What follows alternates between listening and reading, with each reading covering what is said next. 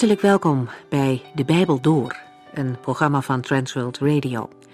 De Bijbel Door is een radioserie die u in vijf jaar meeneemt door de hele Bijbel. Van Genesis 1 tot Openbaring 22.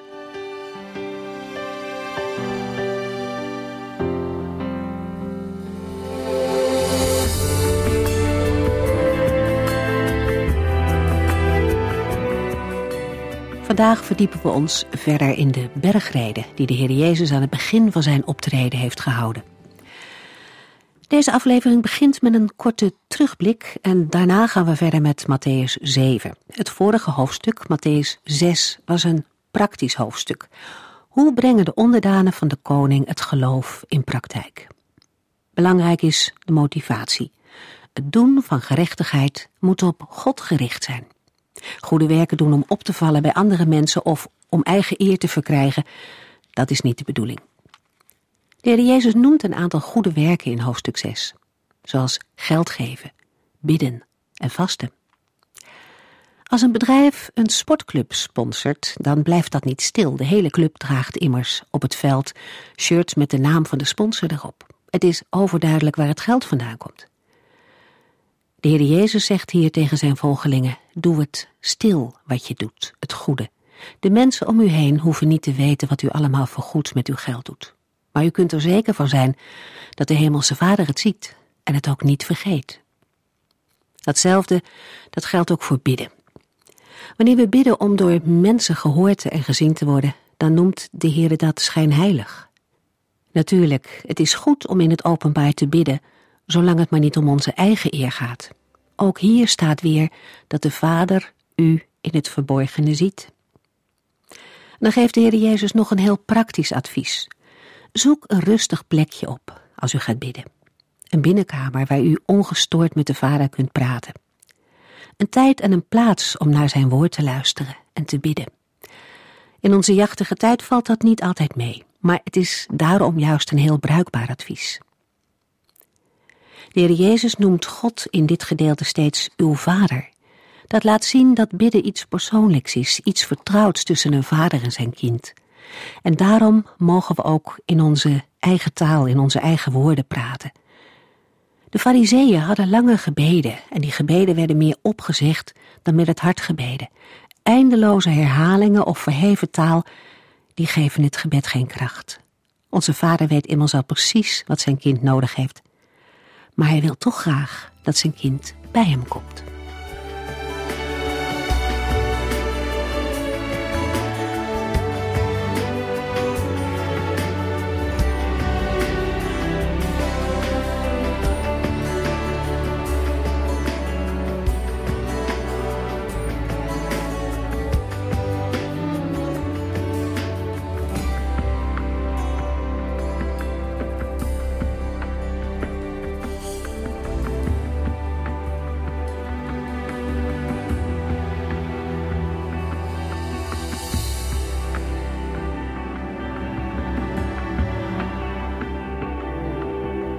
Het onderwijs van de Heer Jezus gaat in Matthäus 7 verder. De heiland verwerpt het veroordelen en bekritiseren, in de zin van kwaadspreken, van een volksgenoot, een naaste. Matthäus 7, vers 1 en 2. Spreek geen oordeel uit, dan zal er over u ook geen oordeel uitgesproken worden. Want God zal u op dezelfde manier beoordelen als waarop u anderen beoordeelt. De Heere God kent alleen de motieven achter de woorden en daden van mensen. En daarom komt alleen aan Hem het oordeel toe. Daarentegen verwacht de Heer Jezus van zijn volgelingen dat zij vergevingsgezind en barmhartig zijn, opdat zij ook vergeving en barmhartigheid zullen ontvangen. Matthäus 7, vers 3. Waarom maakt u zich druk over een splinter in het oog van uw broeder? Terwijl u niet eens merkt dat in uw eigen oog een balk zit. Met dit voorbeeld geeft de Heer een reden aan waarom het oordelen voor een mens onmogelijk is. Onze onvolmaaktheid, met name het gebrek aan inzicht in eigen fouten, leidt tot een onbarmhartige beoordeling van het gedrag van anderen. Matthäus 7, vers 4 en 5. Hoe kunt u dan zeggen: Kom, ik zal die splinter even uit uw oog halen? Met die balk in uw eigen oog ziet u immers niets. Hoe kunt u dan uw broeder helpen? Huigelaar, zorg eerst dat die balk uit uw eigen oog weg is. Dan ziet u tenminste wat u doet, als u die splinter uit het oog van uw broeder haalt. Een huigelaar is iemand die een masker draagt, een toneelspeler, die zijn ware aard verbergt of blind is voor eigen fouten. De Heer Jezus verwoordt een sterke vermaning, maar ook een belofte. Dan ziet u tenminste. Als de splinter uit het eigen oog weg is, kunnen discipelen een ander helpen met diens fouten en gebreken. Wees zorgvuldig bij het hard oordelen van een medemens. Aan de andere kant moeten we zeggen dat de heiland ook heeft gezegd dat we een mens kennen aan de vruchten die hij of zij voortbrengt. Iemand heeft het eens zo verwoord: Ik ben geen rechter, maar inspecteer de vruchten. Matthäus 7, vers 6. Geef de dingen van God niet aan de vijanden van God. Geef wat heilig is niet aan de honden, want ze komen terug om u te verscheuren. En gooi geen parels voor de zwijnen, want ze zullen die vertrappen. Het verbod anderen te oordelen mag niet leiden tot een kritiekloze houding. Het heilige en de parels zijn beelden van de heiligheid en de kostbaarheid van het evangelie. Terwijl de hond en het zwijn mensen verbeelden die vijandig staan tegenover het evangelie. Er zijn bepaalde tijden en plaatsen waar het niet de moeite waard is om een woord te zeggen. Wij mogen niet oordelen over een ander en ook niet kritiekloos zijn, maar zwijgen bevredigt vaak ook niet. Wat moeten we dan doen? Matthäus 7, vers 7 en 8. Bid en u zult ontvangen waarvoor u bidt. Zoek en u zult vinden wat u zoekt. Klop en de deur zal voor u worden opengedaan. Want ieder die bidt, ontvangt, en wie zoekt, vindt. En voor wie klopt, gaat de deur open.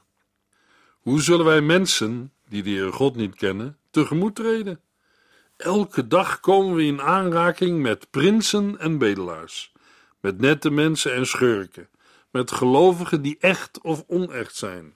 Sommigen hebben onze vriendschap en hulp nodig, en anderen maken misbruik van de zorg en liefde waarmee ze worden omringd. Hoe ga je daarmee om? De woorden vragen, zoeken en kloppen geven aan dat het allemaal niet zomaar voor het grijpen ligt. Eén ding is zeker: de Heer God is bereid te antwoorden. Want ieder die bidt, ontvangt. Wie zoekt, vindt. En voor wie klopt, gaat de deur open. Is het in dit verband niet interessant om, in Handelingen 5, te zien dat Petrus wist dat Ananias en Safira logen? Moeten veel mensen niet toegeven dat ze vaak niet doorhebben wanneer iemand liegt? Ik geloof dat het een gave van God is die Hij geeft aan wie Hij wil, tot de dienst in het koninkrijk van God. Het is belangrijk om van het onderscheiden van waarheid en leugen een gebedszaak te maken. Dat kan ver gaan. Ik noem een paar voorbeelden. Wanneer u nieuwe vrienden ontmoet, vraagt de Heer God dan om duidelijk te maken hoe u met hen mag omgaan. Kortom, als u voor een belangrijke keuze staat, vraag dan vooraf naar de weg of de keuze van de Heere. Ik heb geleerd dat het meer dan een goed idee is om dit te doen. Matthäus 7, vers 9 tot en met 11. Als uw zoon u om een brood vraagt, geeft u hem dan een steen? En als hij u om een vis vraagt, geeft u hem dan een slang? Natuurlijk niet. Al bent u slecht, u geeft uw kinderen wat goed is. Hoeveel te meer zal uw hemelse Vader het goede geven aan wie hem erom vragen? De Heere God hoort altijd onze gebeden, maar verhoort deze op zijn manier, met een volmaakte vaderlijke liefde en wijsheid. Matthäus 7, vers 12. De gouden regel. Behandel anderen zoals u wilt dat zij u behandelen. Dat is in het kort wat Mozes en de profeten hebben gezegd. De Heer wil dat wij onze naaste lief hebben, afgezien van het feit hoe deze ons behandelt. Dat is een leefregel van het koninkrijk van God. en een zichtbaar teken van het kind van God zijn. De gouden regel is wel met het voorgaande verbonden, dat wil zeggen, het veronderstelt het gebed. Het komt alles samen in één geheel. Een mens kan de gouden regel niet isoleren van wat er in het voorgaande wordt gezegd. Laten we goed begrijpen wat de Heer God hier zegt. Alleen als we bidden, kloppen, zoeken, zijn we in staat in het licht van de gouden regel uit Matthäus 7, vers 12 te leven. Dat het niet gemakkelijk is om dat in praktijk te brengen, komt nu aan de orde. Matthäus 7, vers 13 en 14. Ga door de smalle poort het koninkrijk van de hemelen binnen. De weg naar de vernietiging is breed en komt uit bij een wijde poort. En wat gaan daar veel mensen door? Maar de poort naar het leven is nauw en de weg erheen smal. Weinig mensen vinden hem. De poort en de weg zijn synonieme voorstellingen. Het gaat om de poort met de weg, die toegang verschaft tot de stad. De wijde poort met de brede weg waarop velen wandelen, beeldt de weg uit die tot het verderf, het oordeel leidt. De enge poort en de smalle weg, waarop weinigen wandelen, is de weg ten leven, dat wil zeggen het eeuwige leven. Matthäus 19 en 25. Eng en smal geeft aan dat het eeuwige leven moeilijk te verkrijgen is. De weg erheen vereist het offer van zelfverloochening en discipelschap.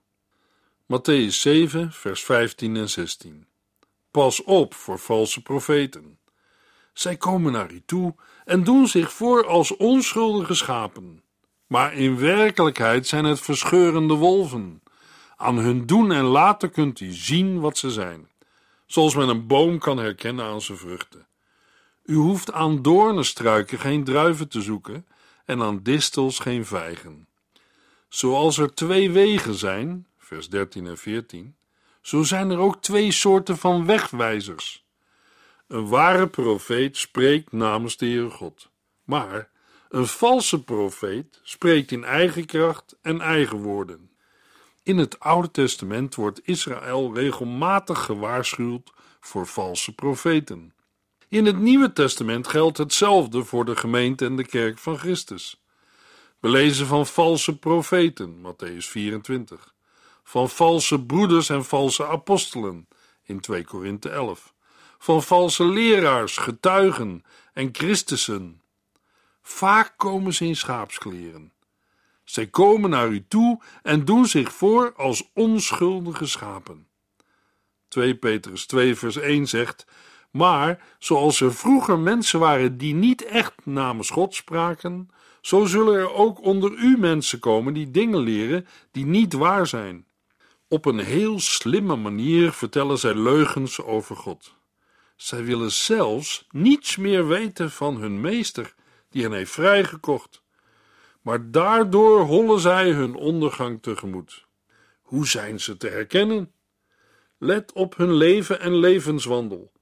Wat vals is, zullen we herkennen aan de vruchten. In de versen 17 tot en met 20 geeft de heiland een voorbeeld. Matthäus 7, vers 21 tot en met 23. Niet alle mensen die heren tegen mij zeggen, komen in het hemelse koninkrijk. Want daar komt u alleen als u doet wat mijn hemelse vader wil. Op de dag van het grote oordeel zullen velen tegen mij zeggen: Heren, wij hebben in uw naam geprofiteerd. Heren, wij hebben uw naam gebruikt om duivelse geesten te verjagen en wonderen te doen. Maar ik zal hun antwoorden: Ik heb u nooit gekend, ga weg.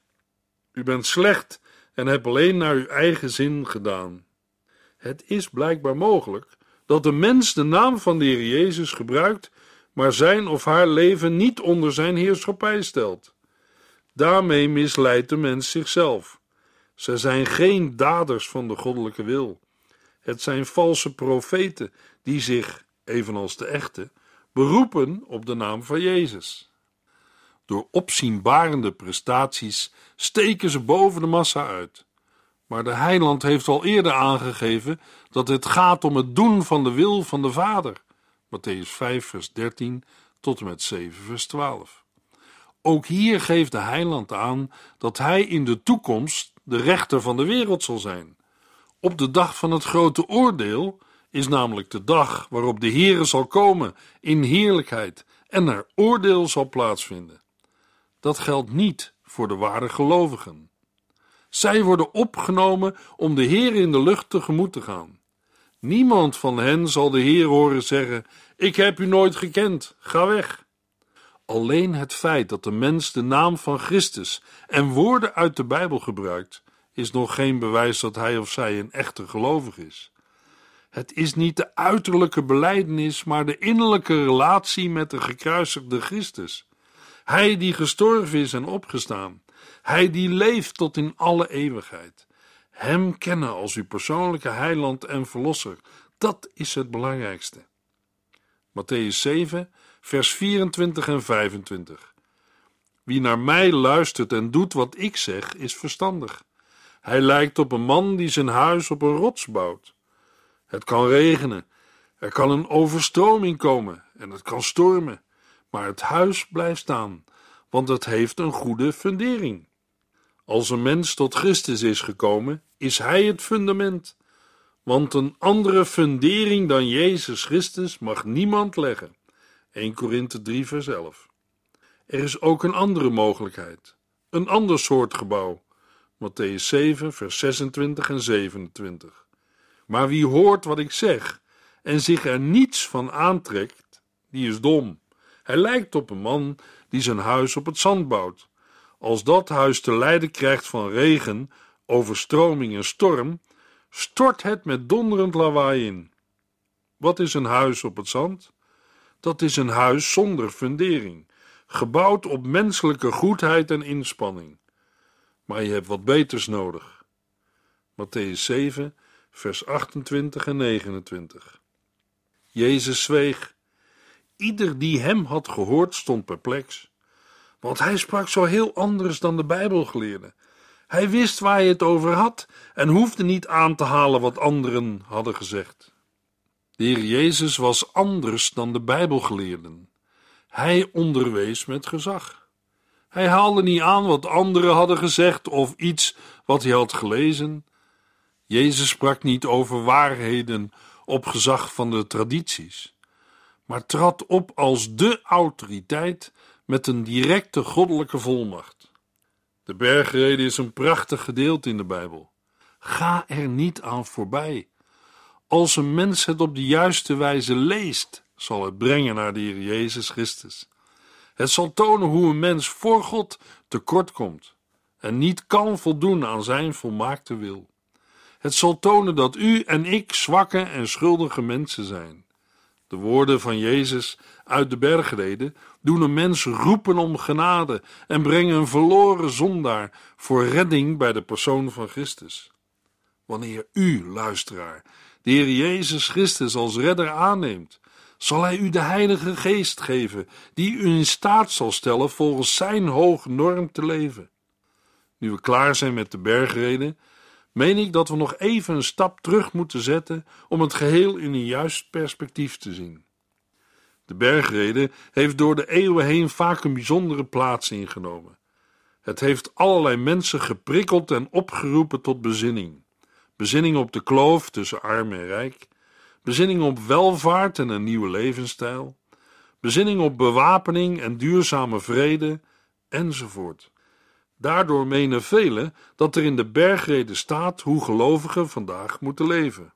Maar als we een stap terugzetten en naar het woord van God als geheel kijken, dan zien we dat de Heere God in verschillende tijden verschillende dingen geeft of instelt, waardoor Hij de mensheid regeert en bestuurt. Het eerste dat de Heere God geeft is de wet, Torah. Daarvoor moest de Heere God tot de conclusie komen dat hij de hele mensheid moest vernietigen vanwege hun geweld, en omdat hij zag dat van al hun voornemens de opzet boos was. Genesis 6, vers 5. De mensen hadden God verlaten. Het oordeel moest volgen. Van de aarde kon de maar één man en zijn gezin redden. Uit hun nageslacht riep God één man die de vader van een volk zou worden dat getuige voor hem zou zijn. God gaf hen een land hij maakte hen tot een groot volk. Hij stelde hen tot een zegen voor de wereld. Via het volk Israël stak de Heere God zijn hand uit naar de wereld. Hij gaf hen door Mozes zijn wetten. Die werden gekenmerkt door de offers. Het Bijbelboek Exodus geeft de bijzonderheden. Een belangrijke plaats werd ingenomen door het brandofferaltaar. Dat altaar wijst naar het kruis van de Heer Jezus. Toen vergaf de Heere God alleen een zonde als er een offer was gebracht. Het houden van de wet kon de mens niet redden. De wet liet alleen zien dat de mens een overtreder, een zondaar was. Door de brandoffers verwees het hele Oude Testament naar de komst van de Heer Jezus Christus. Hij kwam en offerde zichzelf als de koning om de profetieën van het Oude Testament te vervullen. Maar zijn volk verwierp hem. Het evangelie naar Matthäus stelt de Heer Jezus voor als koning. Hij is als koning geboren, leefde als koning, stierf als koning. Hij stond als koning weer op uit de dood. Hij besteeg de troon aan de rechterhand van de Vader en hij komt als koning terug naar de aarde. In de bergreden heeft de Heer laten zien wat de traditie van de woorden van de wet had gemaakt en wat de Heer God er eigenlijk mee bedoelde. Samenvattingen van de bergreden vinden we ook in de andere evangeliën. Maar in Matthäus vinden we de meest uitgebreide versie. Al ben ik er zeker van dat het ook een verkorte vorm is. Het bewijs daarvoor is dat de Heer maar twee geboden uit de wet nam om te laten zien dat wat God vraagt verder gaat dan de uitleg van de Fariseeën en de Joodse Bijbelgeleerden. De bergrede brengt de wet naar Gods bedoeling. Iemand zal vragen: Moet ik nu daarnaar leven? Zou u het kunnen? Wij mensen lopen stuk op de gebrokenheid van deze wereld en van onszelf. Wij kunnen in deze bedeling niet leven naar de bergreden. Daarom is de bergrede bedoeld voor het koninkrijk dat op aarde komt. Het is de wet van het koninkrijk in het rijk dat Christus in de toekomst zal oprichten. Ja, maar hoe moet de mens dan nu leven? Luisteraar, u en ik leven in de tijd wat de bedeling van genade of de tijd van de Heilige Geest wordt genoemd. Het evangelie dat redt is: Christus is voor onze zonde gestorven, zoals voorzegd is in de boeken. Hij werd begraven en is op de derde dag weer levend gemaakt, wat ook in de boeken stond. 1 Korinthe 15, vers 3 en 4. Een mens wordt niet gered door het houden van de tien geboden en de bergreden. Het zijn spiegels die een mens duidelijk maken: u hebt een redder nodig. Zonder hem bent u reddeloos verloren. Veel mensen proberen netjes te leven. Mogelijk dat veel mensen in uw omgeving bevestigen dat u hoort bij de categorie mensen die netjes leven en iedereen het zijne geven. Prachtig. Maar in het licht van de Bijbel, in het licht van de tien geboden en de bergreden, is het voor de Heere God niet netjes genoeg. Een mens kan vanuit zichzelf niet volgens de bergreden leven. Het hart van de mens moet veranderd worden. Er is niets verkeerd met de tien geboden en de bergreden, maar er is iets grondig verkeerd met ons mensen. Als wij mensen het hoge niveau van de normen en waarden niet halen, dan zijn we geneigd om het niveau te gaan verlagen, totdat we het wel halen. Maar dat doet God niet. Luister naar de woorden van de Heer Jezus in het Evangelie naar Matthäus. Hij vertelt waar het probleem ligt. Hij zegt: Maar wat een mens zegt, komt van binnenuit, uit zijn hart. Daardoor wordt de mens onrein, want uit het innerlijk komen slechte gedachten, moord, overspel, ontucht, diefstal, leugen en roddel voort. Daardoor wordt de mens onrein, en niet door te eten zonder de handen te hebben gewassen. Matthäus 15, vers 18 tot en met 20. De Heer Jezus Christus alleen kan het hart van een mens veranderen. Door een wonder. Hij of zij moet opnieuw geboren worden. Als de Heer Jezus spreekt over wat er uit het hart komt, praatte hij niet over het hart van Jan, Piet en Klaas, maar over uw, jouw en mijn hart. De apostel Paulus zei over dit punt: Het is duidelijk wat de zondige natuur voortbrengt overspel, ontucht, vuiligheid en losbandigheid, afgoderij en spiritisme, haat, ruzie, nijd, drift, rivaliteit, oneenigheid, sectarisme, jaloezie, dronkenschap, onmatigheid en meer van dergelijke dingen. Galaten 5, vers 19 tot en met 21. God gaf de tien geboden om de oude natuur in toom te houden. Maar ze hielden de oude natuur niet in toom, omdat het volk waaraan God ze gaf hem verliet en niet in staat was eraan te voldoen. Een mens moet niet in eigen kracht leven. Gelaten 5. Maar de Heilige Geest brengt ons tot betere dingen: liefde, blijdschap, vrede, geduld, vriendelijkheid, mildheid, tederheid, trouw en zelfbeheersing. Er is geen wet die zulke dingen veroordeelt. Hoe kunnen wij mensen deze prachtige vrucht van liefde, vriendelijkheid, mildheid en al die andere dingen voortbrengen? Dat kunnen we niet in eigen kracht. Ga terug naar de bergreden. Matthäus 5, vers 5.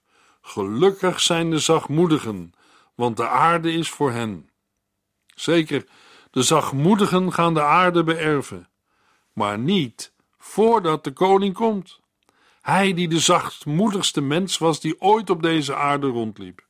Hij zal in grote macht en glorie komen.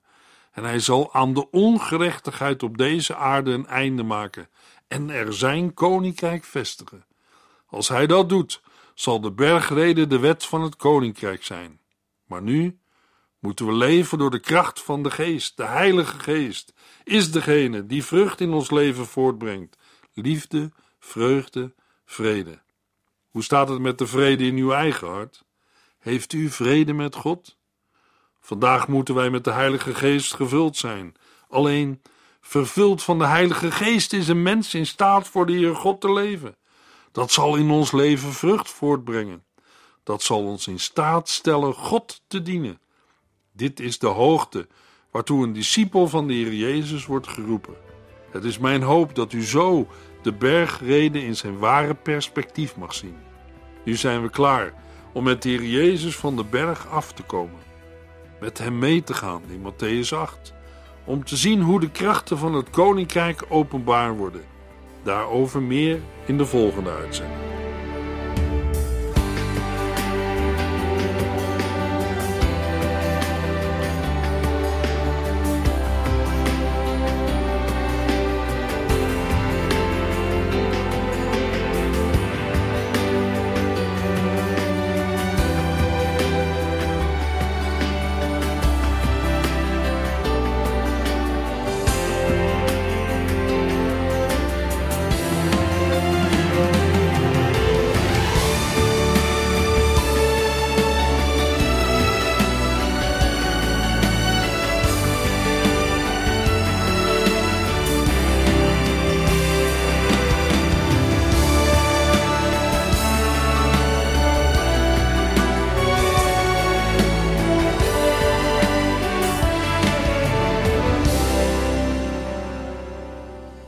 Geluisterd naar De Bijbel Door. In het Nederlands vertaald en bewerkt door Transworld Radio. Een programma waarin we in vijf jaar tijd de hele Bijbel doorgaan. Als u wilt reageren op deze uitzending of u heeft vragen, dan kunt u contact met ons opnemen. Tijdens kantooruren kunt u bellen op 0342 47 8432.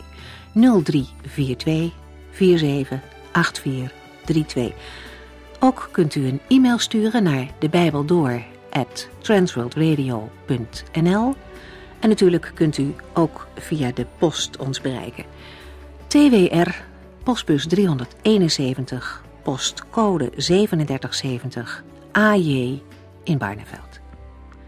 Dit programma werd gepresenteerd door Cor Weda en Ike André. Techniek was in handen van Odin van Woerdekom. En wij allemaal bedanken u voor het luisteren. Graag tot de volgende keer.